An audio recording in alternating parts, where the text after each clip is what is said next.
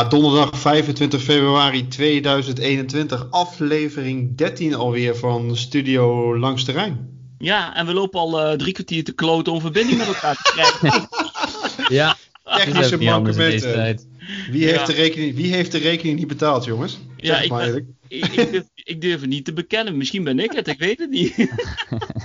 nou, en wie nog meer op de kloot is Vitesse. En ik godverdomme ja. al drie, vier wedstrijden is het al waardeloos. Dus we hebben verdomme genoeg te bespreken, of niet? Ja, absoluut. Uh, we gaan natuurlijk lopende zaken doen en de vragen van de luisteraars. Uh, we gaan uh, nabeschouwen, voorbeschouwen. J-Roy God doelpunt van het seizoen. We hadden nog een quizvraag de vorige keer. Gaan we het antwoord op geven met, met een prijswinnaar erbij. En nog een anekdote. Dus ja, genoeg volgens mij weer bomvol. En ja, uh, bij deze, het is nu via een ander dingetje opgenomen. Dus hopelijk komt, uh, komt het allemaal goed in de oren terecht van onze luisteraars. Maar uh, we hebben er desalniettemin met een drankje erbij hier, allemaal achter onze laptop, er ontzettend veel zin in, of niet? Yes, zeker. Zeker weten, de toon is gezet. Laten we starten, ja. jongens. Laten we starten, jongens. Um, we hebben heel veel lopen klagen op die uh, Toendra in het Gelderdoom, waar we op moesten voetballen. Maar deze week eindelijk het bericht op onze telefoons en op internet en noem het allemaal maar op. Vitesse legt per direct een nieuwe grasmat neer. Wat vinden we daarvan? Nou ja, volgens mij is dat een van de, de uh, ja, belangrijkste aspecten, zeg maar, om gewoon op een topniveau voetbal te kunnen, te kunnen spelen. En uh, ja, weet je, als zelfs je eigen spelers al gaan klagen over hoe het veld. Uh, uh, hoe het veld voetbalt, ja, dan, dan, moet je er gewoon wat aan doen. En ja, dan is natuurlijk de tweede vraag, is moet Vitesse dat doen? Of moet jij als verhuurder de verantwoordelijkheid nemen om dat veld te vervangen? Dat is, ja, dat is dan nog maar even de vraag. Ja, dat klopt. Ja, ja, lastig punt. Het is, uh, wat Wilco zegt, van het, het kon niet uitblijven dat, zoiets, uh, dat ze het veld gingen vervangen, denk ik. Um, als je zag hoe, uh, ja, hoe het er nu bij lag, werd het uh, met de wedstrijd slechter. Uh, en had het ook niet de kans met die omstandigheden waar we vorige week nog in zaten, met die temperaturen, om echt te herstellen of ja, om dat op korte termijn aan te pakken, volgens mij. Dus ja, ik denk dat ze geen andere keuze hadden dan dit te doen. en ik durf zelf ook wel te stellen dat misschien, natuurlijk, het grootste gedeelte lag gewoon aan hoe je zelf speelde, natuurlijk. Maar dat wel degelijk natuurlijk invloed heeft op de manier hoe Letje wil spelen. En, nou ja, kijk, luister, ik heb die hovenier nog gebeld. Ik zeg, jongen, bastardsuiker. Bastardsuiker is het allerbeste waar je het op kan gooien. Haal maar gewoon een paar ton bastardsuiker, smeer het eroverheen en het, is helemaal, het komt helemaal goed. Ja, maar ik kan, weet je, door jou kan ik dus niet normaal door een supermarkt lopen langs de bastardsuiker en aan de kant van het denken, uh, Wilco. Dus bedankt. Um, ik, uh, wat ik heb vernomen over, de, over het veld, en dat is, was de grootste vraag natuurlijk bij, uh, bij de Vitesse supporters. Hoe kan het nou dat er iedere keer geëmmer is over waarom dat veld niet gemaakt wordt, of die drainage? Want daar, daar ligt de oorzaak van, uh, van alle ellende, zeg maar, dat dat veld zo slecht is. wat ik heb begrepen van het verhaal is, is dat de reglementen om, om, met betrekking tot de huur van het Gelderdoom, en dan inclusief ehm, het veld, dat daar ja, wat in zitten. En dat, uh, dat er voor alle partijen ruimte is om je eigen interpretatie te geven wie verantwoordelijk is voor dat veld. En dat is de reden waarom het uh, op dit moment uh, ja, zo'n discussie is wie, wie daar verantwoordelijk voor is. Ja, en dat, dat blijft natuurlijk ook een lastige zaak. En dat, uh, ja, de precieze details. Uh, um, ik denk dat in de zomer dat, nu, dat ze hopen van goh, we leggen die nieuwe mat erin. En dat ze in de zomer, wanneer ze natuurlijk meer tijd hebben, uh, ja, om de tafel zullen moeten gaan of zelf met een oplossing moeten komen. Want zover we volgens mij allemaal begrepen hebben, ligt het aan het, dat systeem eronder. Dus ja, zal dat gewoon structureel opgelost moeten worden. En zal er gekeken moeten worden wie gaat dat betalen. maar dat het opgelost moet worden is volgens mij wel zeker. Ja, nou ja, goed. En het veld wat nu uh, er neergelegd is deze week, um, is uiteindelijk wel, wat ik ook begreep van, uh, van de verhalen, is dat dat wel op het uh, initiatief van Vitesse is geweest. Want die vonden dat er gewoon natuurlijk een eredivisiewaardige mat moet liggen. En ook natuurlijk, laten we heel eerlijk zijn, een hele belangrijke week voor de boeg hebben met VVV voor de competitie, waar we het natuurlijk over gaan hebben. Maar natuurlijk een paar dagen later weer tegen VVV voor de halve finale van de beker. En ja, dan moet je dat wel kunnen, liedje kunnen spelen op een, op een goed veld. Dus we hebben een nieuw veld en hopelijk houdt die tot aan de zomer. En dan kunnen we daarna wel weer verder kijken hoe of wat. Maar we kunnen weer een beetje normaal voetbal spelen. De belangrijkste reden natuurlijk is dat ze twee afleveringen van Studio Langs de Rijn hebben geluisterd. En dan al dat gezeik over het veld hebben aangehoord. Ik dacht, ja, flikker maar op. Ik, ik gooi er wel een heel nieuw grasmat in. Ik vind het wel Daarom. Goed. Dus, nee, dus daar zijn wij content mee. We willen sowieso um, een belangrijke schrijver over de Vitesse geschiedenis even benoemen hier. Namelijk Ferry Reuring. Want zijn boek Vitesse Europa in is genomineerd via de Staantribune voor voetbalboek van het jaar 2020. En dan is dit even ook een oproep namens ons. Uh, ik, ik, vraag Ferry ook nog wel eens om hulp om wat dingetjes uit de geschiedenis uh, op te rakelen of op te duikelen, zodat ik dat tijdens deze podcast kan vertellen. Dus wij vinden ook dat Ferry uh, promo verdient. Um, stemmen kan tot zondag 14 maart op www.staantribune.nl en dan stem uh, via je opgegeven e-mailadres moet je dan nog even bevestigen als je op zijn boek hebt geklikt. En dan hopen we bij deze uh, dat de luisteraars denken van hé, hey, dat ga ik even doen naar www.staantribune.nl. Geef Ferry op uh, als boek en bevestig hem via je mail. En dan wensen we namens ons podcast Ferry heel veel succes. Zeker, ja, Zeker, succes. ja. Absoluut. Vitesse was even nog een tussendoortje. Speelde afgelopen maandag een extra ingelaste oefenwedstrijd tegen de reserves van uh, de Graafschap. Uh, de reserves van Vitesse kwamen daarbij uh, natuurlijk aan bod, omdat wij op zondag al tegen PSV hadden gevoetbald. die wedstrijd wonnen we met 3-4. 1-0 Opoku, 2-0 Opoku, 3-0 Baars. Dat was binnen 25 minuten wat ik begreep. En toen maakte Darvalu en Oros nog 3-1 en 3-2. Toen was het rust. Na de rust 3-3 Hernandez. En Ohio maakte de 3-4. Dus we wonnen die wedstrijd. De opstelling was Houwen, Oros, Cornelissen, Hayek, Gong, Bruns, Hernandez, Touré, Manhoef, Ohio en Darvalu. En uh, even later vielen nog in Vroeg, Leeflang, Chung, De Beer en Huisman. Maar wel een goede ontwikkeling volgens mij dat uh, die jongens dan ook, uh, zoals een Hayek, wat uh, minuten maken. Ja, ja en het kan maar zo dat, dat over één of twee jaar dat er een paar van die gasten van ons bij de Graafschap spelen. Als je naar die selectie kijkt van de Graafschap. Ja. Met Lelyveld, ja. Liefdink, natuurlijk Mike Snoei, die we natuurlijk allemaal kennen als ja. trainer. En volgens mij nog, nog één andere jongen, kan ik de naam even niet opkomen. Maar er zijn wel een aantal jongens die dus, ja, wel eens een stap maken is het ja, maar we hebben ook wel eens uh, andersom gehad, hè? Purro Frenkel. Ja. ja. ja. en trouwens, Opoku, die twee keer scoorde tegen Vitesse, die, uh, die komt uit Husse. Die heeft ook een, uh, een achtergrond hier uit de omgeving van Arnhem. Maar goed, in ieder geval goede ontwikkeling om de jongens die weinig aan het spelen toekomen, natuurlijk wat minuten te laten hey, maken. En, en, wie stond rechtsback? in deze opstelling, moet ik even kijken, Houwe, Oros, Cornelissen, Hayek, Gong, Bruns. Ik denk als ik, maar dat zou heel goed kunnen. Ja, of, ja, dan is het Gong, denk ik. Maar dat weet ik niet zeker. Oké. Nou ja, okay. goed. Bij deze gezegd. Theo Jansen kwam vandaag trouwens het bericht dat hij volgend jaar een geheel nieuwe functie binnen Vitesse gaat bekleden. Namelijk uh, talentbegeleider. En hij zal daarnaast um, veldtrainer blijven bij Vitesse. En hij blijft ook nog zijn tv-perikelen uh, uh, aankomend seizoen uh, blijft hij dat ook doen. Ik heb heel even contact gezocht met uh, Theo. Om te vragen uh, of dan zijn trainerscarrière misschien wat op een lager pitje komt te staan. Omdat hij natuurlijk ja, talentbegeleider gaat worden. Dat is wat anders dan fulltime full, veldtrainer. Um, ik kreeg als antwoord van Theo: ik ga me voorlopig focussen op, het, uh, op de nieuwe functie en uh, ook uh, als veldtrainer en op de televisie. Maar ik wil wel heel graag in de toekomst wel mijn diploma behalen voor coach betaald voetbal. Dus dat, dat is nog steeds een brandende wens bij hem. Dus dan weten we in ieder geval dat Theo daar nog steeds voor gaat. En ja, dan zijn we helemaal op de hoogte omtrent Theo volgens mij. Ja, helemaal goed. Toch ja. man? Ja. Hey, jongens, ja, vliegtuigjes. ja, iets met uh, verkeerde keelgat volgens mij. Uh. Ja, maar, maar, maar bij jullie ook, of niet? Is het echt nou bij jullie ook in de verkeerde keelgat gevallen?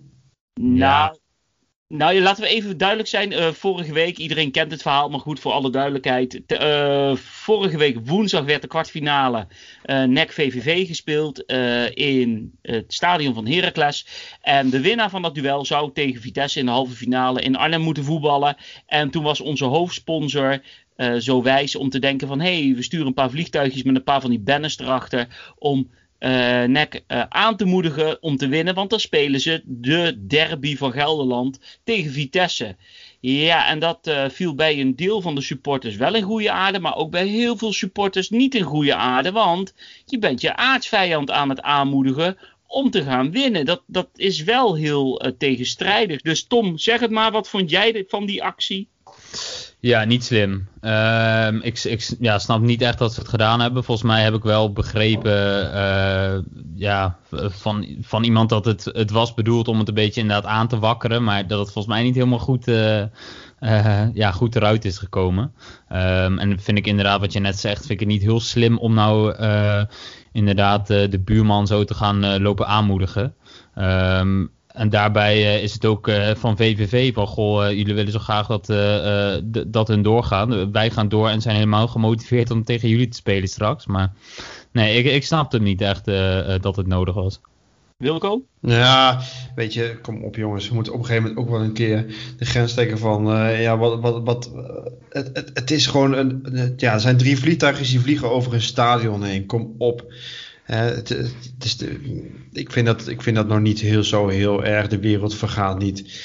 Kijk, uh, het is gedaan door waterontharden. Waarschijnlijk hebben ze gewoon gezegd van we gaan het doen. En Vitesse die heeft gewoon zoiets van nou maken we een item van. Volgens mij hebben ze nog niet eens geweten wat op die banners heeft gestaan. Ja, weet je. Uh, ik, weet, ik weet nog wel dat er is ook een paar jaar geleden, toen was waterontharden was helemaal niet uh, in de picture bij Vitesse. Toen ging er ook al een vliegtuigje bij, bij de Goffert uh, over, het, uh, over het stadion heen. Met, of nee, was het volgens mij met, met de Vierdaagse. Zij van kopen, kopen een Vitesse seizoenkaart. Weet je, het zijn allemaal van die dingen die zijn. Ja, de, ja nee, dat ja. klopt met je eens. Je? Dus er zijn, er zijn heel vaak. Heel vaak zijn er al van dit soort acties gebeurd. En je denkt van ja, laat, laat het gewoon gaan. Kijk, uh, misschien hadden ze beter de volgende keer even wat meer overleg kunnen voeren. We moeten er niet te veel een halszaak van maken. Kijk, voor waterontharden moet je het zo zien. elke vorm van aandacht is aandacht. Of het nou goed is of slecht. Ja, beetje... Dus jij zegt negatieve publiciteit is ook publiciteit? Voor waterontharden. Maar ik vind, ja, dat, ik, ik vind in het kader van Vitesse denk ik wel van... Nou, misschien had je daar beter uh, afstemming over kunnen voeren met, met, uh, met supporters. Van nou, hoe, hoe, zouden we daar op een ludieke manier enige invulling aan kunnen geven. En ik heb dat idee dat dat nou niet is gebeurd. En vind je het dan overdreven? Want ik heb meegekregen, volgens mij uh, kwam, er, kwam er voorbij dat de sportvereniging heeft contact gehad met Vitesse. En die hebben gezegd van in de toekomst gaan we met dit soort dingen beter. vind je dat overdreven dat ze gezegd hebben? Dat ze daar beter in overleg gaan de volgende keer? Ja. kijk, weet je wat? De, de sportsvereniging vertegenwoordigt een, gewoon grote groep aan supporters. Die waarschijnlijk allerlei signalen krijgen van jongens, wij vinden dit ongepast. Ja, en die moeten daar wat mee. Dat snap ik ook wel. En ik, ik denk ook misschien wel dat je op een of andere manier goed moet nadenken hoe je jezelf ook profileert. Ook in de beker, maar ook natuurlijk met je, met je sponsor en zo en dergelijke. Dus ik vind het heel goed dat je daar overleg over voert. Maar ik denk wel van als er zoiets in het verleden al vaker is gebeurd bij Nijmegen met vliegtuigen en zo, dan moet je niet, nu niet een hele halszaak gaan maken van een paar vliegtuigjes die, die over een stadion in Almelo vliegen. Snap je wat ja, ik ik snap nee, het ja, maar de, de, de lading en de boodschap was natuurlijk nu wel anders. Want kijk, als jij naar Nijmegen vliegt tijdens de Vierdaagse en je zegt koop een Vitesse seizoenkaart, is dat van ons, uit, van ons uh, vanuit ons perspectief hartstikke ludiek en doe je het vanuit Vitesse. Maar ja. nu. Nee, dat ben ik mee. Snap je? Dus ja. en ik kan me ook herinneren dat toen uh, NEC terugkwam in de Eredivisie, vloog de laatste thuiswedstrijd boven het Gelderdoom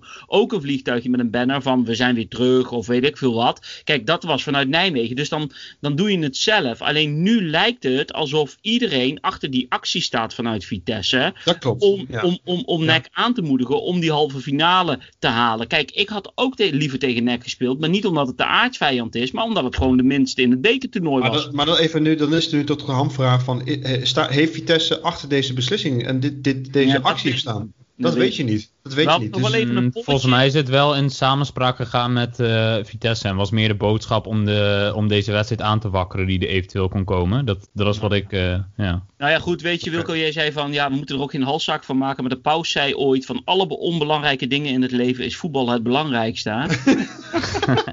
we hadden er nog één polletje over uitgedaan. Wat vonden jullie van de vliegtuigjes van waterontharden.com voor NEC VVV? 183 stemmen, 70% zei vreemd en ongepast. 30% zei leuk en origineel. Nou, hier laten we het bij. We gaan door, want deze week kwam ook het bericht naar boven toe dat Tanane in de winterstop zomaar een toptransfer, en dat doe ik even tussen haakjes, had kunnen maken.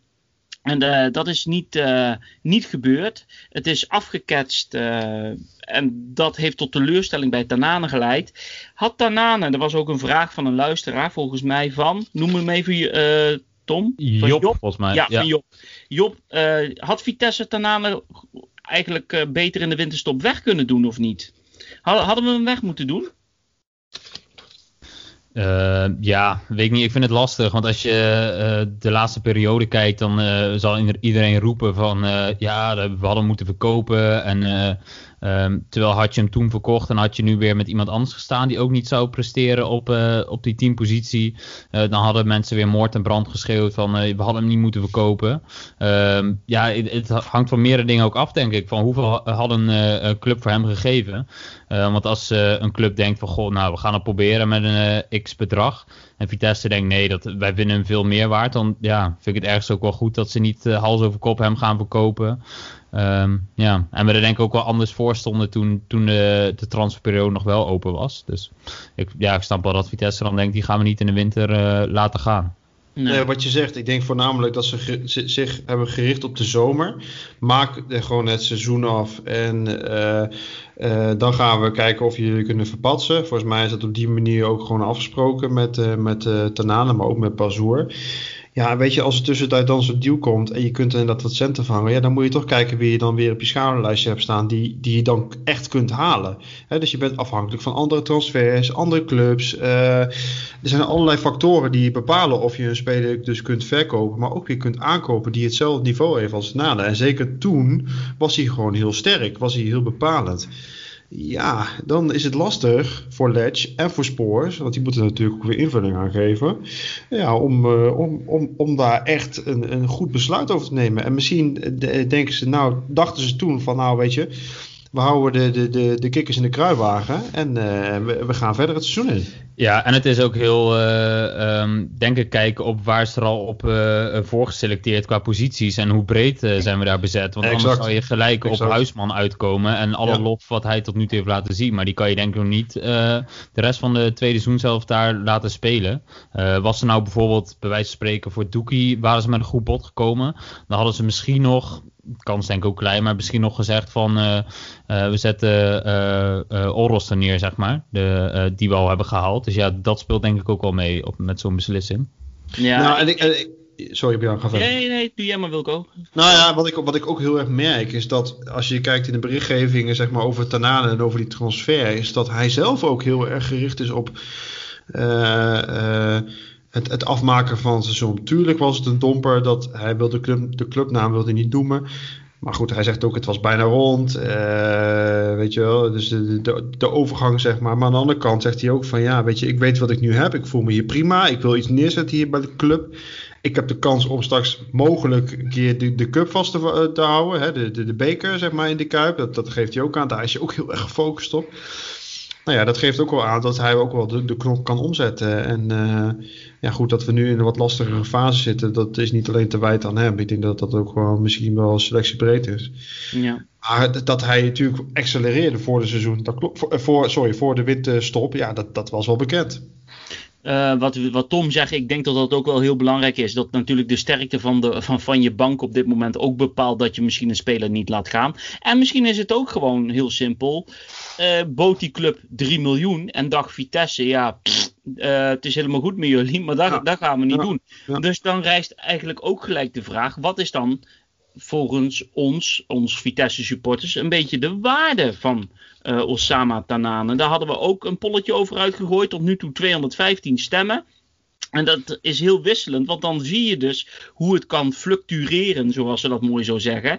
Uh, 2 à 3 miljoen zegt 33% 3 à 4 miljoen zijn waarde zegt 26% 4 à 5 miljoen zegt 19% En 21% die zegt nee, meer dan 5 miljoen. Dus het, het is ook heel erg moeilijk uh, om te bepalen. Het is wat de gek ervoor geeft. Um, maar ik denk bij een echt heel goed bod had Vitesse misschien wel weggedaan. Maar ik denk dat het gewoon een bottenlaag is geweest. Maar dat, denk, ik, hè? dat, dat, is mijn aanname. En wat uh, denk jij dan, Bjorn, als je kijkt naar zo dit polletje? Waar, waar, zou jij op gestemd hebben? Of heb je ik heb zelf ook gestemd op de poll. En ik heb tussen de 3 à 4 miljoen euro gezegd. Maar dan hou ik in mijn achterhoofd erbij. Het is maar een Vitesse-speler. Het is een jongen die natuurlijk een geschiedenis heeft. Waarbij het niet de makkelijkste jongen uh, is. Of zoals hij bekend staat. Um, het is ook nog eens zo dat hij. Uh, uh, ook wisselvallig is in zijn curve. Want dat was een opmerking van mij. Ik vind zijn rendement over een heel seizoen tot nu toe op zijn vrije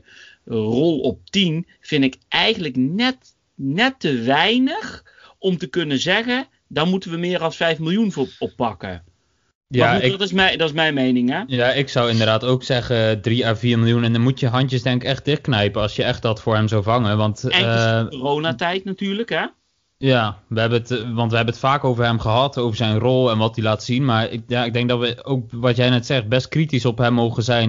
Want volgens mij krijgt hij heel veel vrijheid van Ledge in dit systeem. Nou ja, uh, hoe we spelen. En... Die, hij, die hij toegeschoven heeft gekregen, waar hij ook echt op aangedrongen heeft in de voorbereiding met Ledge. En die heeft ermee ingestemd. Vind ik uiteindelijk, ik heb even de cijfers opgezocht, hij heeft 20 eredivisiewedstrijden dit seizoen en drie bekerwedstrijden gespeeld. Vijf goals en zeven assists, waarvan twee assists daarvan in het bekertoernooi. Dan vind ik dat, en dan ga ik het niet vergelijken met Gio Komakis. Dat is de extreme variant voor hoe iemand kan renderen. Maar dan vind ik persoonlijk dat hij met die rol die hij heeft gekregen, toch iets meer effectiviteit had moeten geven. Om ook meer waarde te kunnen krijgen voor hem. Ja, maar ja, volgens mij ziet hij dat, uh, want dat heb ik toen volgens mij ook aangehaald. Na de wedstrijd toen een keer heeft ook, uh, uh, dat een journalist aan hem vroeg van, moet je niet wat effectiever spelen en minder die actie? Maar dat hij zelf ook zegt, ja, dat is zijn spel en daarvoor is hij juist een volgens hij zelf uh, zei hij toen een creatieve kracht bij Vitesse. En hoort dat nou eenmaal bij zijn spel. Terwijl ik juist denk van uh, je hebt die vrije rol. En tuurlijk ben je dan een creatieve speler in het elftal. Maar als hij nog steeds wat effectiever zou zijn, dat het ook veel meer rendement eruit zou halen. Ja, maar, en daarbij moet ik ook erbij opmerken, wat niet in zijn voordeel spreekt. Kijk, hij neemt heel veel vrije trappen.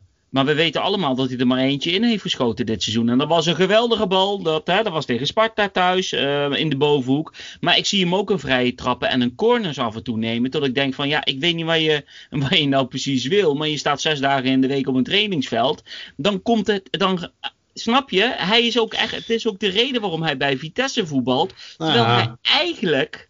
Eigenlijk misschien als hij zijn ultieme vorm zou hebben, niet bij Vitesse behoort te spelen. Nou ja, dat, vind dat, maakt, dat, maakt het zo lastig bij hem. Dat, dat vind ik dan wel interessant om over, eh, over door te praten. Welke competitie zou hij dan kunnen voetballen? Ik zie hem niet in Duitsland voetballen. Ik zie hem niet in Engeland voetballen. Ik zie hem niet in Frankrijk voetballen. Nederland. Oh ja, voor, voor, voor, uh, sorry, in, uh, in België. Ik zie, hem, ik zie hem misschien wel in Frankrijk voetballen. Ik, ik denk wel van, ja, weet je, in Nederland gaat een Ajax, PSV of Feyenoord gaat hem echt niet halen, denk ik. Nee. Nou, nou weet je wel, weet ja, je, dat, dat, denk ik van, welke clubs in Nederland kunnen dan die 3, 4 miljoen, hè, die, die in die pool staat, kunnen die dan betalen? Ja. Dan houdt toch nou ja, wat, je, wat je zegt, en ook nog eens even meegenomen met het feit. Kijk, het is een creatieve jongen in die, in die, in die vrije rol die hij heeft op 10. Hij wordt aangepakt, hè? Ja, zeker. Om te zwerven en te doen. En als hij ruimte krijgt, kan hij zijn acties maken. Dus hij wordt aangepakt. Kijk, en in Nederland staat nog, nog niet zozeer bekend als een heel verdedigend land met de slagers achterin. Maar ga jij in Italië voetballen, of in Frankrijk, of in uh, Spanje, lekker tegen Atletiek de Bilbao. Nou, geloof me, daar gaan er wel een paar scheermessen overheen. Hè? Dus wat ja, weet je, weet je, weet je wat het is? Ja. Weet je wat het is? Als, je, als jij zelf individueel speelt in Spanje of Italië. en je, en je de, de bal gaat twee keer verkeerd. Hè, je laat hem twee keer van je poot afvallen. of je drijft je actie te ver door. dan is er echt wel een verdediger die tegen jou zegt: Hé hey, Tanane, doe eens even lekker normaal, jong. Speel die bal gewoon eens even lekker af. Weet je wel. Dan, dan is, het hele, dat is ook zijn hele rendement uit. Want hij, hij is juist van het frivolen en van het lekkere vrije spelen. en proberen die bal op het hok te knallen. Maar ja, weet je, daar moet je toch wat meer in de discipline spelen. En dan, dan, is, dan is Tanane ook maar een middelmatige voetballer, denk ik hoor. Ja, en ik denk niet dat als je een gemiddelde Spanjaard of Fransman vraagt van, uh, uh, weet jij wie Tanane is, dat ze nog herinneren van zijn tijd uit, nee, maar ik bedoel, uit zijn tijd bij Las Palmas of uh, Saint-Etienne. Maar ik denk wel dat het meespeelt voor als hij als clubs die competities gaan kijken. Van goh, hij heeft het al op dit niveau geprobeerd. En dat, ja, daar is hij uiteindelijk toch weer teruggekomen naar de Nederlandse competitie. Dus dat zal denk ik echt wel meespelen met clubs die hem in de gaten houden. Van hij heeft al een keer die stap uh, geprobeerd te maken. Maar ja, hij heeft dat niet volgehouden. Nee. Oké, we gaan door. Dat was Tanane. Do dossier Tanane. of niet, zo? Mafkees? Mafkees. Clown? Clown? Clown? JH Arnhem, hoe komt het dat Openda de laatste weken zo onzichtbaar is? Ligt alleen maar op de grond en is aan het klagen bij de scheidsrechter. Is hij wel zo'n groot talent? Nou ja, hij heeft gewoon een, eh, even een, eh, een, eh, een dipje in zijn spel, denk ik. En uh, ik moet ook heel eerlijk zeggen dat de aanvoer ook wel wat minder is natuurlijk de laatste weken. Dus ik vind het ook niet allemaal te wijten aan een Openda of een Broja of een Tavelo, wie er ook in staat. Het is natuurlijk ook wat middelmatig hoor. We hebben het ook heel vaak gehad over de, de, de, de wingbacks, zoals, uh, zoals dat nu zo mooi wordt gezegd. Die dan ook wel hele slechte voorzetten geven. Dus ja, weet je, die jongens die werken echt wel hard hoor, geloof me. Ik bedoel, die lopen er echt wel voor. Maar ja, het, is, het rendement is daardoor gewoon ook wat minder. En ja, dat is ook Vitesse, dat je gewoon even een dipje hebt. Ja, ja. Ik denk dat. En inderdaad, wat je net terecht zegt, van um, we kunnen dan wel op onze twee spitsen gaan afschuiven dat, uh, dat het achterblijft. Maar ik vind ook dat ze niet heel veel aanvoer krijgen de laatste paar wedstrijden. Um, dus ja, of zij daar nou heel veel aan kunnen doen, dat, dat betwijfel ik ook. Ik weet niet, hoe sta jij erin uh, uh, met Openda, Bjorn?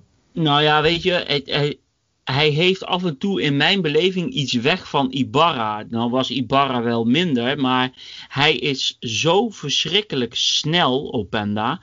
Maar ik vind af en toe zijn uh, balbehandeling, bijvoorbeeld die kans tegen PSV in de tweede helft die hij kreeg, die Bazoer geweldig over de verdediging lifte.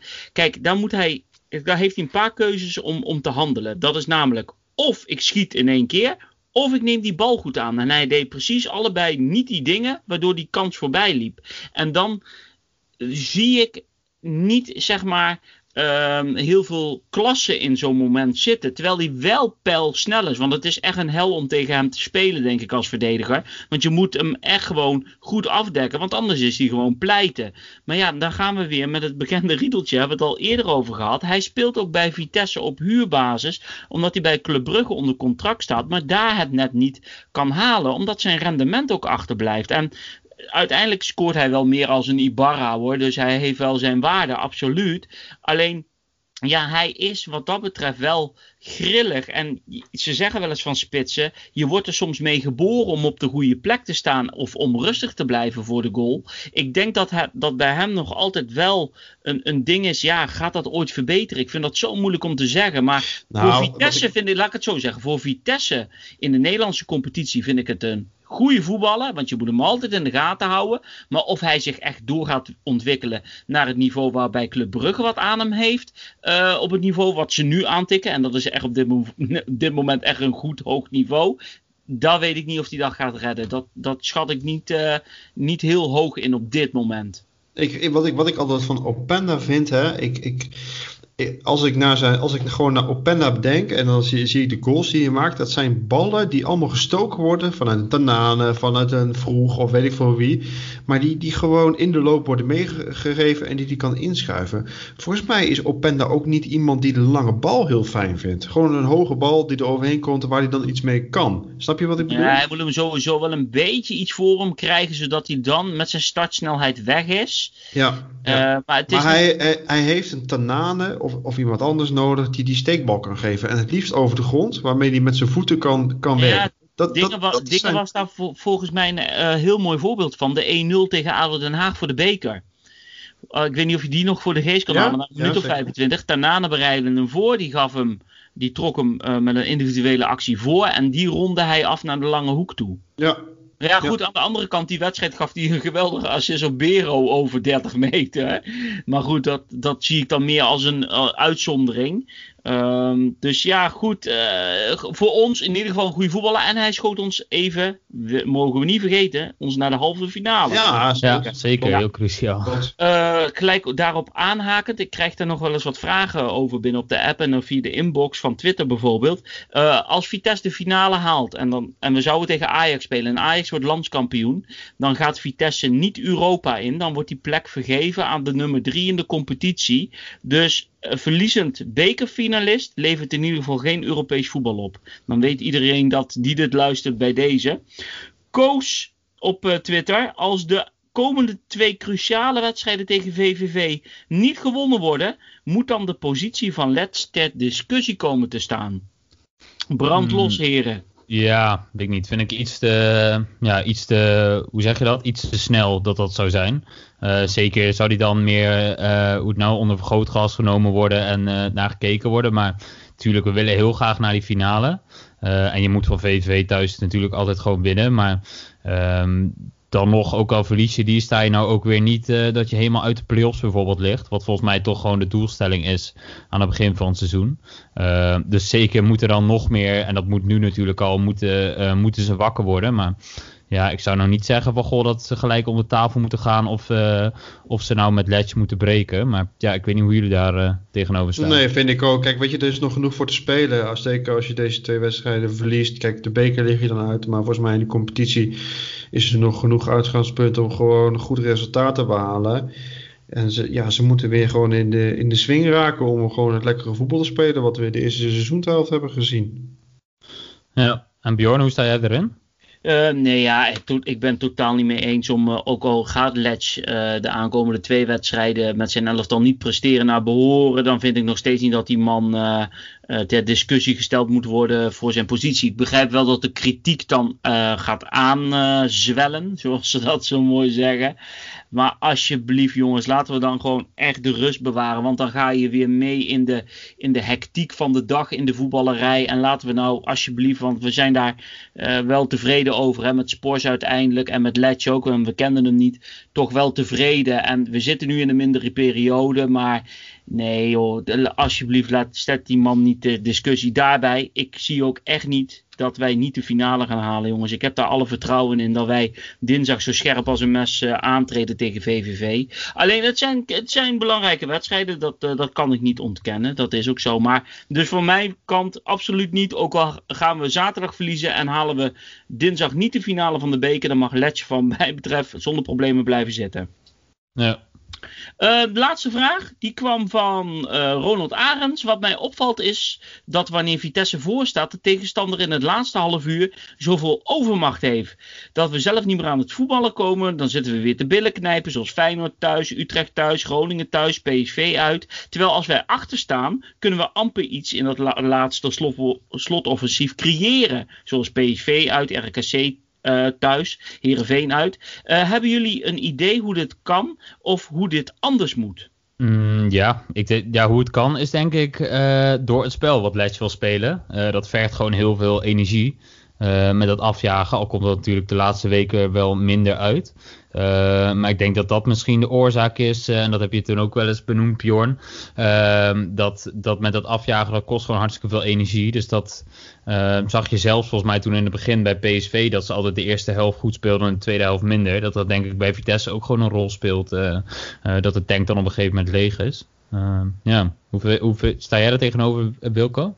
Ja, eens eens. Kijk, eh, soms heb ik ook het idee als je voor staat dat ze gewoon inzakken om gewoon te leunen op de verdediging. Ze zeggen, nou weet je, we hebben toch een aardige keeper staan en uh, twee centrale verdedigers die de ballen wat uithalen. En vervolgens op de counter probeer je toch dan de, de, de 2-0 of de 0-2 zeg maar te maken. Dus op, op een of andere manier leunen ze daar op. Maar ja, weet je, als je dan ehm, heel veel aan de voorkant, zeg maar, in, in, de, in, de, in de spits hebt gegeven om bijvoorbeeld af, af te jagen en dergelijke, zie je gewoon dat, ja, dat dan de gaten gewoon te groot worden op het veld. En uh, je merkt dan gewoon dat het, uh, dat het heel lastig is om nog te kunnen pressen in de 80e minuut of in de 85e minuut. Dat het inderdaad de, de koek gewoon een beetje op is. Ja. En dat is inherent aan het spel wat je speelt om, uh, om heel snel gewoon goals te maken. En en, en ja, de, de, de tegenstander lam te leggen, zoals dat zo mooi heet. Ehm, dat, is, dat is zeg maar een beetje de, de tactiek. Ja, en als de pijp leeg is, is de pijp leeg. En uh, ja, dan moet je, dan moet je toch uh, kijken of je op een of andere manier een beetje strategisch kan wisselen. Om het toch weer, uh, de, de, het apparaat, de motor weer aan de gang te krijgen.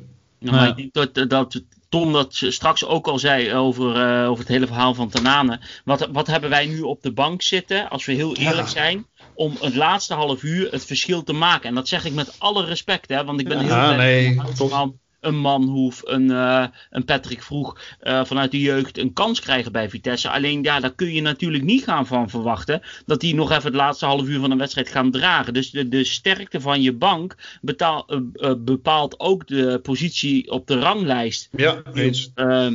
En daarbij, we belonen onszelf niet. Hè? De eerste helft krijgen wij vaak kansen zat. Als je bij sommige wedstrijden met 3-0 de rust in gaat met een voorsprong, kun, kan de tegenstander niks zeggen. Dan verdien je het ook gewoon. En dan haal je eigenlijk al gelijk de hele angel uit de wedstrijd. Maar omdat het dan nog maar 1-0 is, ja dan, ja, dan zeg ik altijd, en dan beginnen een paar mensen altijd te lachen, dan hoeft hij voor de tegenstander maar één keer goed te vallen. Hè, dan staat het alweer gelijk en dan is het, uh, dan is het paniek in de tent. Ja, hè. en dat, Dus en dat zullen meerdere, meerdere clubs hebben, maar dat idee hadden we, daar gaan we het zo nog over hebben. Maar zoals afgelopen weekend, of voelde toch elke Vitesse supporter die die wedstrijd aan het kijken was, en misschien ook en natuurlijk andere mensen die aan het kijken waren, dat dat gewoon weer in de lucht hing, zeg maar. Ja, nee, Uh, eens, dus, ja, vaak voel je het ook gewoon aankomen. Ja. En is dat ook wel kwam je in de eerste seizoen zelf daar vaak mee weg. Dat je die kansen liet liggen uh, met onze spitsen. Kom je daar nu gewoon niet meer mee weg. Dat, we, dat Ja. je die kansen niet afmaakt. Of ja, dat je het, uh, de wedstrijd niet op het, uh, het, slot gooit. Want toen hebben we dat ook zo vaak gehad van we scoren te weinig, maar dan kwam je er weer mee weg. Maar ja, nu komen we daar gewoon telkens niet meer weg. Ja. Zo, uh, mag ik nog één uh, uh, afsluiting voordat we daar gaan nabeschouwen op twee verliespartijen? Heel leuk, dus dat doen we lekker snel. Eén um, opmerkelijk bericht, jongens. Wat is, wat is een beetje een legendarische cultkeeper bij ons geweest? Uh, Pietje, de man van de... Veldhuizen. Ja, de, Veldhuizen, van de rook, de rook ja, in Gelderdoom. Ja, het ziet er naar uit dat hij op 34-jarige leeftijd uh, waarschijnlijk zondag in het doel staat van Fortuna Sittard. Ja, leuk. Ah. Ja. Ja, ja, ja, die hebben een keepersprobleem. Ik wilde het toch even benoemen. Want Pietje blijft natuurlijk eigenlijk maar op één plek uh, het beste in zijn sas. En dat is in Arnhem. Dus we hebben altijd wel een beetje een liefde voor Piet. Dus Piet, heel veel succes. We moeten alleen nog één keer uit naar Fortuna. Dus als je erin staat, alleen tegen, tegen Vitesse thuis, uh, mag je er een paar doorlaten. Maar voor de rest wensen we jou heel veel succes. We gaan nabeschouwen. Ja, uh, wacht even, want ik zie nog wel iets staan. Maar ik, in de agenda. Uh, over Olaf. Die had een foto voorbij zien komen van uh, Openda. maar ik, ik, weet denk ik wel wat daarmee gebeurd is. Want hij zegt, is jullie de dikke buik van Openda opgevallen? Eveneens de altijd wat forse ogende lichaam van Tenane. Maar ik denk dus dat, uh, dat ze gewoon een, een, slangetje hebben gelegd tussen het lichaam van Bjorn en van Openda. ja. En ze hebben gewoon alles bij Bjorn hebben ze eruit gezogen. En die hebben ze zo bij Openda hebben ze het aan toegevoegd. Ik denk dat dat het, het ik verhaal vind het echt, Ik vind het echt een heel vies beeld dit Tom. Sorry dat ik het zeg maar. Neem nog even een slokje van je bier, Welkom. Ga gauw door. Heel goed. Yes. We gaan nabeschouwen. Vitesse Twente, die verloren met 0-2. 0-1 met de rust voor Twente. 0-1 menig. 0-2 Daza, eigen doelpunt volgens mij. Ja. Het eerste kwartier was aardig. Maar na de 0-1, na dat kwartier, ja, waren we volgens mij volledig de weg kwijt. Geen pressing. We creëerden helemaal niks qua kansen. Wat een slechte wedstrijd was dat, of niet?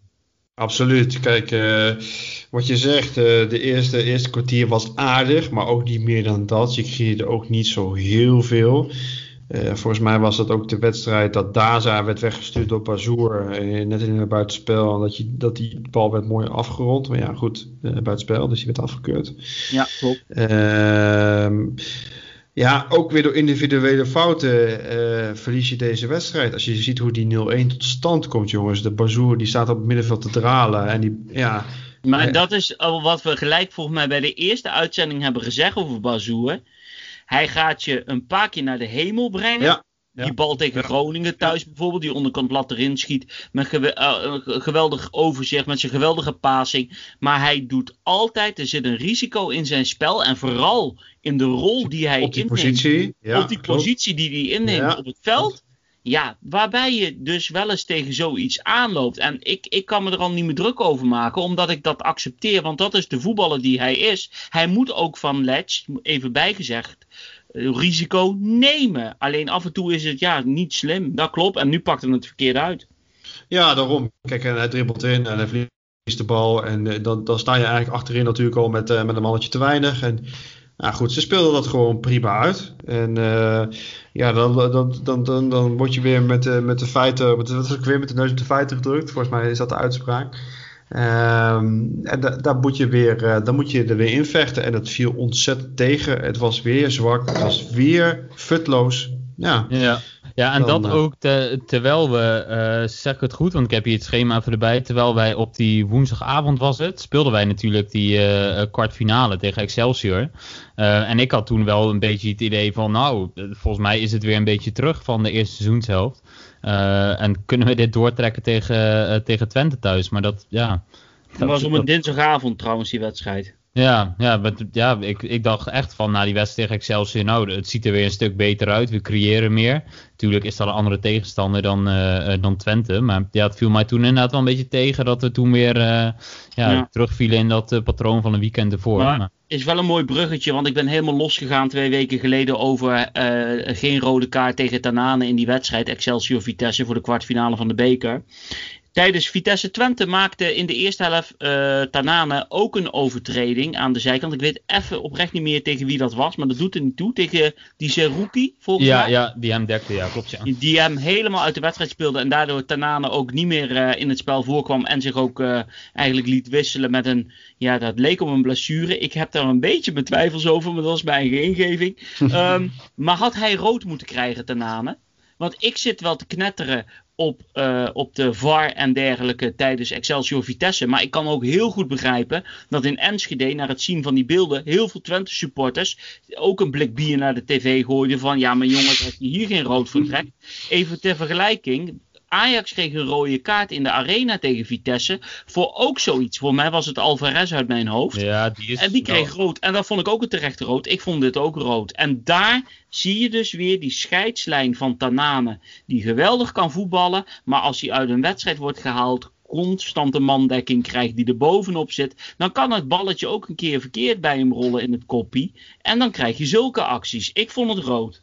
Ja, ik denk zeker dat ze dat die uh, niet al mogen klagen als ze rood hadden gegeven. Trouwens, die kaart die Alvarez toen kreeg, die was wel, uh, noem je dat, kwijtgescholden later. Maar, ja, ja, ja. dat klopt. Ja. Maar nee, het was inderdaad en ook, ook zo dom weer. Want je weet nu met die VAR, er staan overal camera's, ze kunnen het van het alle hoeken bekijken. Dus waarom doe je zoiets? Want je ziet het duidelijk. in dat, die, dat blijft toch die, die niet sterk zijn in je hoofd. En hij laat zich over over. Dat is mijn invulling hoor. Maar hij, hij wordt zo in de zak gehouden door die, door die jongen van Twente. Die echt een hele goede wedstrijd speelde. Een Algerijnse jongen. Ja. En dan laat hij zich helemaal uit de tent lokken, omdat hij niet in zijn spel komt. Maar denk ik, jongen, je bent nu 6, 27. Kom op, hou je kop er nou bij. Je moet er toch iets van leren. Maar ja, dat blijft een valkuil bij, bij hem, een valkuil. Um, en dat is misschien ook de reden dat een andere club misschien zegt, nou, voor 3 miljoen willen we hem overnemen. Snap je? Ja, ja, snap ik. Al wel, ik weet niet uh, in hoeverre, ik heb er natuurlijk niet uh, inside information over, maar uh, volgens mij begon hij ook weer niet helemaal fit aan de wedstrijd. Dat mag natuurlijk niet qua zo'n incident als net met zo'n rode kaart, mag daar geen invloed op hebben, maar ehm, ja, volgens mij was het niet dat hij weer helemaal fit aan de wedstrijd begon. Ja, hij zegt dat hij al een hele tijd loopt, loopt te emmeren, al wekenlang of maandenlang met zijn, met zijn hamstring. Ja. Ja, nou ja, ik, ik neem aan dat als je een speler opstelt in de basis zelf, dat hij gewoon uh, 100% fit ja, is. Dat, dus moet je hem niet bij de selectie halen. Ja, en welke, wat vond jij uh, van het moment met die eventueel rode kaart? Uh... Ja, ik moet heel eerlijk zeggen, ik moet hem even terughalen. Ik, ik, heb, ik heb hem niet meer zo scherp voor mijn, voor mijn hoofd. Ja, dat is al uh, voor mijn geest. Dus ja. uh, ik, ik, ik weet het niet zozeer, maar ik kan me ja, wel voorstellen... Het was gewoon rood, Wilco. Het was gewoon rood. en, en, en, FC Utrecht heeft een betere selectie, toch, jongen? ja, ja. We gaan zo door. We verloren de volgende partij ook tegen PSV. Die verloren met 3-1. We stonden wel met 0-1 voor met de rust. Broja 0-1 en na rust 1-1 Malen, 2-1 Gutsen en 3-1 Gutsen. Ja, jongens, we kunnen een paar momenten bespreken. En vooral die eerste helft. Want de tweede helft werden we uiteindelijk gewoon overlopen. En werd er goed gewisseld bij PSV met een veel sterkere bank dan dat wij hebben. Dus daar was het wel logisch. Maar de eerste helft, ja. Laten we eerst beginnen met de 0-1. Dat was een geweldige aanval. Um, en Broja maakte hem af. En we kwamen op, verdiend op 1-0. En Vitesse creëerde wat kansen, kregen ook wat tegen. Maar de bottleneck is natuurlijk de grote vraag, het VAR-moment. Broja die doorloopt op de keeper, in zijn nek twee jongens van PSV heeft. Hij wordt neergehaald en Kuipers, de scheidsrechter, legt de bal op de stip en trekt een gele kaart. En toen kwam de VAR en toen kwamen Tom en Wilco met hun mening en hun visie op de situatie. Ja. Um, Terwijl ja. ik een stokje rode wijn neem. Vertel. Ja, wat ik uh, ervan vind is dat ik uh, tijdens zo'n wedstrijd zit ik natuurlijk ook vol in emotie uh, dat te kijken. En tuurlijk, strafschool, rode kaart, noem het allemaal maar op. wat je daarvoor kon geven. moet ik wel zeggen dat ik achteraf, als, je, als ik het dan weer terugzie. Um, want na de wedstrijd gaf Kennen Perez volgens mij aan in de studio. Of s'avonds laat tijdens, uh, dit was het weekend van. Um, hij, haal, hij schopt hem zeg maar uh, op zijn voet. En dat was binnen de 16. Want ze hadden Kuipers erbij gehaald uh, na de wedstrijd. En die zei hij fluit voor het geval dat hij op zijn voet wordt geschopt. Um, maar ja, dat was er buiten. Dus dat snapten ze allemaal niet. Maar later in het beeld zag ik dat het er wel, dat het er wel buiten was. Um, dus ja, ik vind het heel lastig, want die Baumkarten komt er ook bij, dus rood denk ik ook niet. Dus ik denk uiteindelijk dat het misschien wel een goede beslissing was. Maar ik weet niet hoe jullie daar uh, tegenaan kijken, Wilco. Ja, nou ja, het, soms is de uitleg een beetje vaag. Wat gaat het nou op het moment dat je begint met het, met het, het, het maken van de overtreding? Dan begon het met de, de arm, hè, want het vasthouden. En vervolgens werd het de tik. En toen werd er, toen werd er gezegd van... Uh, ik heb de tik gezien en toen gaf ik hem een penalty. Maar vervolgens kwam de VAR en die zei van alleen het vasthouden uh, heeft ervoor gezorgd dat het, dat het, dat het geen strafstop was. Heb ik, heb ik gelezen hoor. Dus ik, ik, ik kom daar ook even op een gegeven moment niet meer uit van is het nou de voet geweest of het vasthouden? Ja, tijdens dat interview zei Kuipers dus volgens mij dat hij het beoordeeld heeft op de, op de trap die werd gegeven tegen de voeten aan. Want bij het vasthouden ja. moeten ze volgens mij kijken naar het moment dat hij ingezet wordt. Mm -hmm. uh, en bij een, uh, ja, in dit geval een schop uitdelen is het volgens mij het moment in de, ja, wanneer hij gewoon geschopt wordt. Um, dus ja, dat daar volgens mij een verschil aan zit. Maar inderdaad, het was wel discutabel, uh, zeker het moment. En hoe kijk jij er tegenaan, Bjorn? Ja, weet je, ik, eh, op een gegeven moment, ik leg me maar op een gegeven moment neer bij de uitleg van Kuipers na zo'n wedstrijd. En tijdens zo'n wedstrijd ook. Dan denk ik, ja, de VAR heeft ernaar gekeken. Um, ze beslissen. Um, ze maken deze beslissing en daar heb je het maar mee te doen. En hoe Kuipers het naar de wedstrijd uit uh, ging leggen vanuit zijn gezichtspunt. Ja, weet je, ik, heb de, ik, ik laat het maar los, want ik, ik, dan kun je over heel veel dingen je kwaad maken. En dan kan ik heel erg als het, als het met betrekking tot Vitesse is. Uh, als ons onrecht wordt aangedaan, laten we het zo zeggen. Uh, ik heb het maar geaccepteerd. Het feit ja, en... blijft, gewoon natuurlijk dat bijvoorbeeld Broja natuurlijk ja. 0-2 had moeten zeker, maken. Zeker, zeker. En ja. hij doet het weer met links, terwijl hij eigenlijk in mijn ogen die bal had moeten laten lopen aan, uh, naar Openda, want die had hem helemaal voor het inschieten. Ja, weet je, je doet jezelf weer zo uh, de das om, omdat je zelf die kansen niet afmaakt. En de eerste helft speelde zich prima. Kijk, door wisseling in de tweede helft nogmaals, door PSV, die veel meer kwaliteit hebben zitten op de bank, werd die wedstrijd al alsnog uh, omgedraaid uh, voor PSV. Maar ja, je moet gewoon zelf gewoon veel effectiever worden. Je moet dodelijker zijn. Je moet ja. zo'n zo'n zo'n kans killen. En vooral tegen zulke ploegen. Want je weet wat ze op de bank hebben zitten. Dus ja, dus dan richt ik me maar daarop. Maar natuurlijk, ja, ik, ik krijg er ook uh, vervelende gevoelens van in mijn maag over dat moment. Ja, maar het blijft een als-als moment. Maar als je als ja. Broja wel die kans maakt, dan ja, vraag ik me nog wel af of die wissels gaan zin hebben van PSV. Want dat is natuurlijk ja, net, nee, maar dat, is de vraag. En daar, ja. mentale Zeker. klap. En... Ja, nee, eens. Nou jongens, we gaan gewoon door. We, we lullen al aardig wat uh, qua minuten, want we zitten elkaar stiekem onderling te appen. we, we, moeten een beetje, we gaan door. Ja. Uh, J-Roy God doelpunt van het seizoen. Nou, nog steeds op naam van Patrick Vroeg. De 1-3 Willem 2 uit voor de competitie. Vitesse Twente scoorden we niet, dus die is heel makkelijk. En dan is de vraag, was het doelpunt van Broja tijdens PSV Vitesse uh, mooier dan Patrick Vroeg? Het was wel een hele mooie aanval. Ja, dat wel. Maar nee, hij gaat hem niet, uh, nog steeds nee. niet winnen, nee. nee. Dan nee. zeg ik, nee. Ook ja, Wilco zegt al nee. Nee, oké, okay, dan blijft Patrick vroeg gewoon staan voor de bokaal. Dan uh, bij deze besloten. Jongens, heel belangrijk moment. Belangrijke dagen. Ik zit te tikken hier op mijn bureau achter de microfoon. Uh, zaterdag VVV thuis voor de competitie. Dinsdag VVV thuis voor de halve finale van de beker. Mijn vader belde gisteravond op. Die zei: Heb je de agenda klaar voor je podcast? Want. En daar had ik niet bij stilgestaan. Dus die ouwe had gelijk. Wat moet Vitesse zaterdag doen voor de competitie? Zetten wij onze sterkste elf in? Met het oog ook op dinsdag, of juist niet met het oog op dinsdag? Wat moeten we doen? Nou ja, we zijn nu al zo, zo nou, lang, een aantal weken bezig met het uh, spelen van wedstrijden. Ik denk, even kijken, drie, drie wedstrijden in de week ongeveer. Ja, de laatste twee weken valt het mee, maar... De... Ja, goed, we zijn, er wel, we, zijn er wel een beetje aan gewend om ook uh, door de week te voetballen. Dus laten we maar gewoon lekker met de sterkste elf beginnen. En weet je wat het is? Als je, als je deze twee wedstrijden niet kunt winnen en ondanks dat ze drie dagen achter, ja, kijk, vier dagen achter, nee, drie dagen achter elkaar, ja, dan ben je, dan ben je ook niet waard om, uh, om door te gaan in de beker, moet ik eerlijk zijn. Want VVV heeft hetzelfde probleem natuurlijk. Ja, daarom, tuurlijk. Daarom. En die zijn kwalitatief gezien minder. Dan moet ik ook zeggen, precies. VVV uit eerste helft flikkeren we die hele wedstrijd mee weg, want toen stonden we met 3-0 achter. Tweede helft ging de gas op die lolly, stonden ze onder druk, alleen kreeg Touré de kansen die misschien Broja had moeten krijgen. Om, om oh, Broja mist, ook wel. Die, dat nee, maar dat weet ik. Maar ik bedoel, de, de, uh, iedereen heeft natuurlijk op zijn netvlies dat Gio Kamakis er vier maakte tegen Vitesse. Maar Vitesse creëerde natuurlijk de tweede helft ook ontzettend veel kansen. Dus uh, ik bedoel, we moeten VVV ook niet groter maken door dat ene verhaal daar in Venlo. Een paar weken geleden op een uh, mistroostige woensdagavond. Dus even heel sec genomen. We spelen zaterdag thuis tegen VVV. En jij zegt Wilco sterkste opstelling? Ja, zeker. Tom? Ja, ook. En ja, ook gewoon en omdat. Ook? Ja, we zitten niet in een luxe positie dat het nou geweldig loopt de laatste weken. Nee, dus ik precies. denk nog niet dat we nou even kunnen zeggen van nou, neem maar even rusten, want het ja. loopt zo geweldig. Nee, en jij zei VVV thuis moet je altijd winnen. Dus wat wordt de uitslag voor de competitie zaterdag, Tom? Uh, 3-1 zaterdag. 3-1, Wilco? 2-0. 2-0.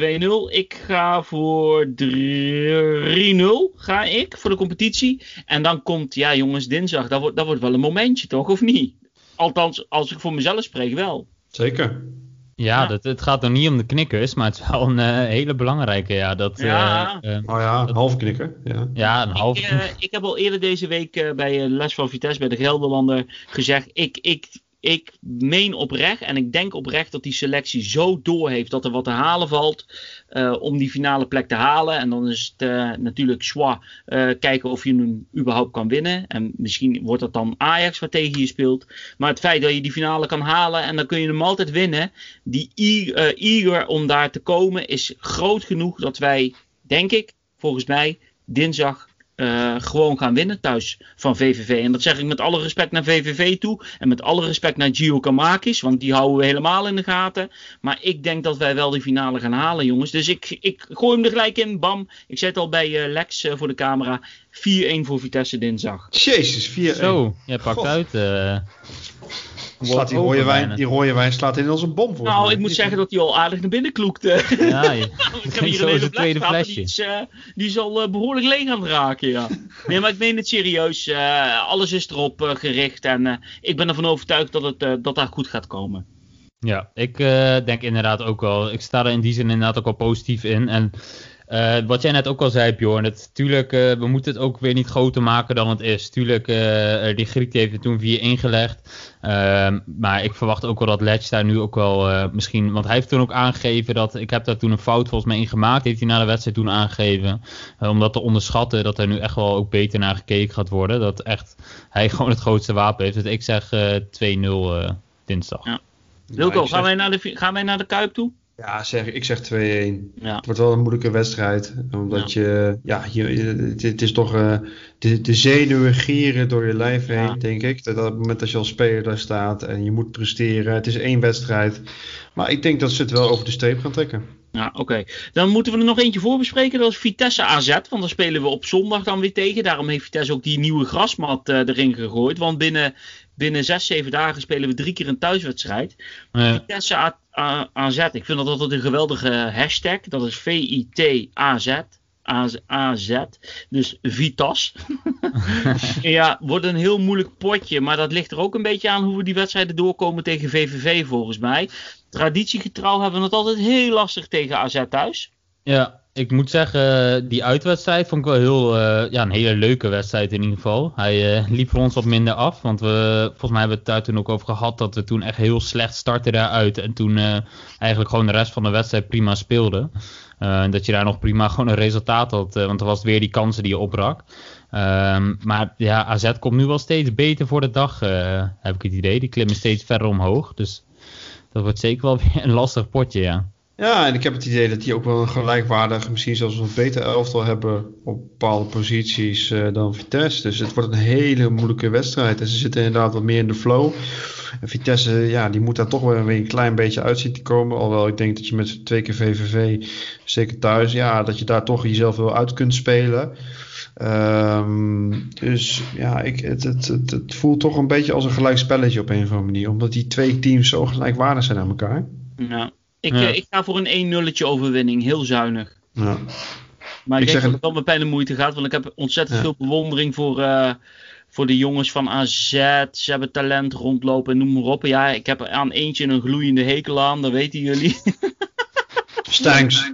Ene, ene Kelvin Stanks. Maar goed, voor de rest, uh, ik, ik blijf positief. Uh, we, we, hebben die finale gehaald. We zitten in een goede vibe weer. En, uh, en ik, ik, gok om een 1-0 overwinning. Maar het wordt een, wordt een zwaar potje, denk ik. Ook gezien het feit dat je heel kort op elkaar natuurlijk ja. binnen een week drie keer speelt. Ja, nou. ja, ja. ik denk 1-1. 1-1, oké.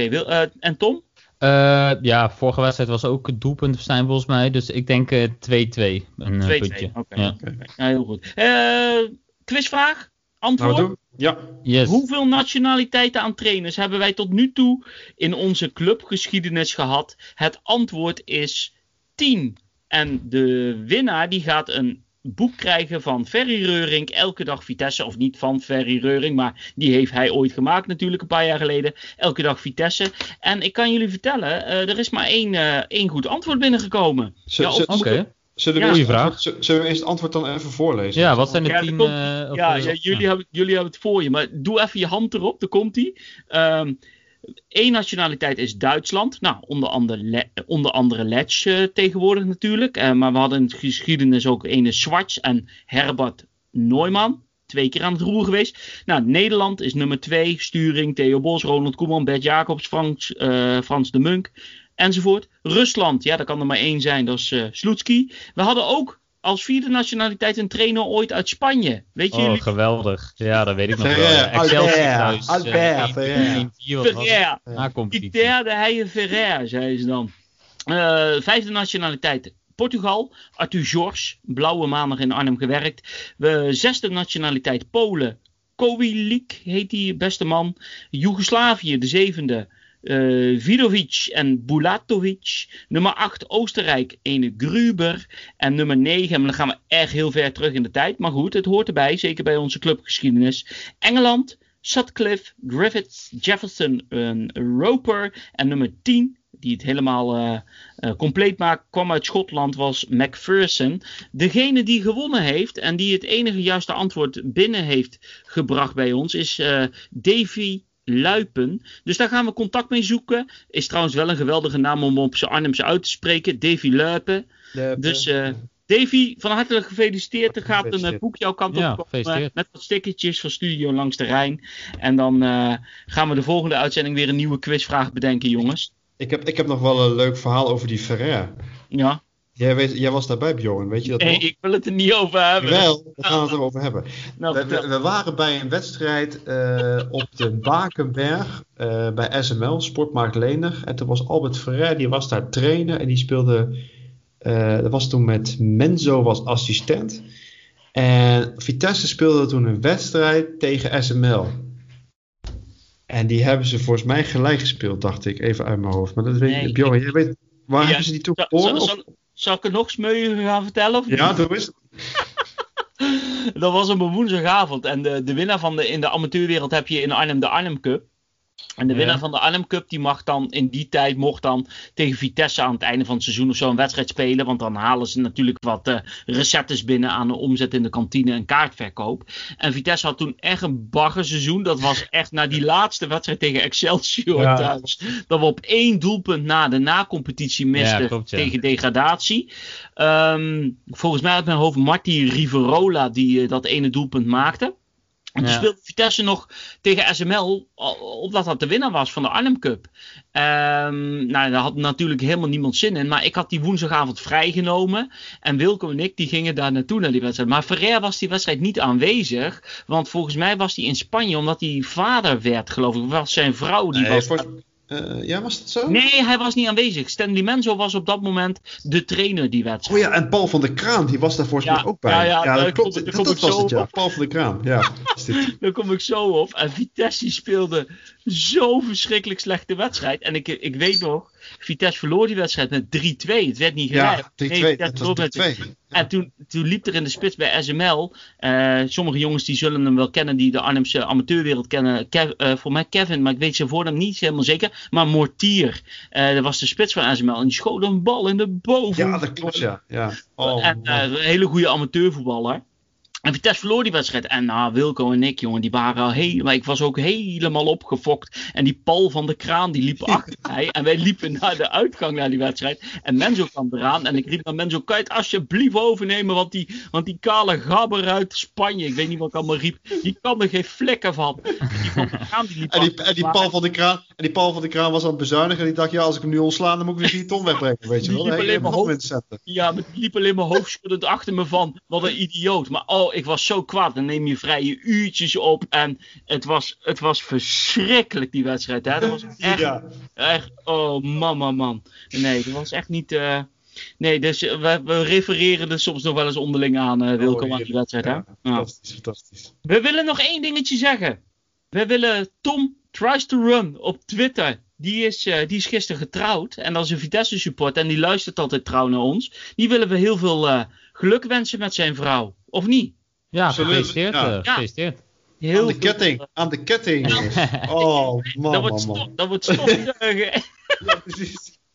Nee, van harte, harte gefeliciteerd, Tom. Van harte gefeliciteerd, geniet ervan en uh, uh, blijf uh, naar ons luisteren, zou ik zeggen. Jongens, dan zijn we er doorheen. Uur weer helemaal volgeluld. Het is niet drie kwartier geworden, maar toch weer een uur. Ja, ja moet kunnen toch? Moet kunnen toch? Aju. Aju. Aju.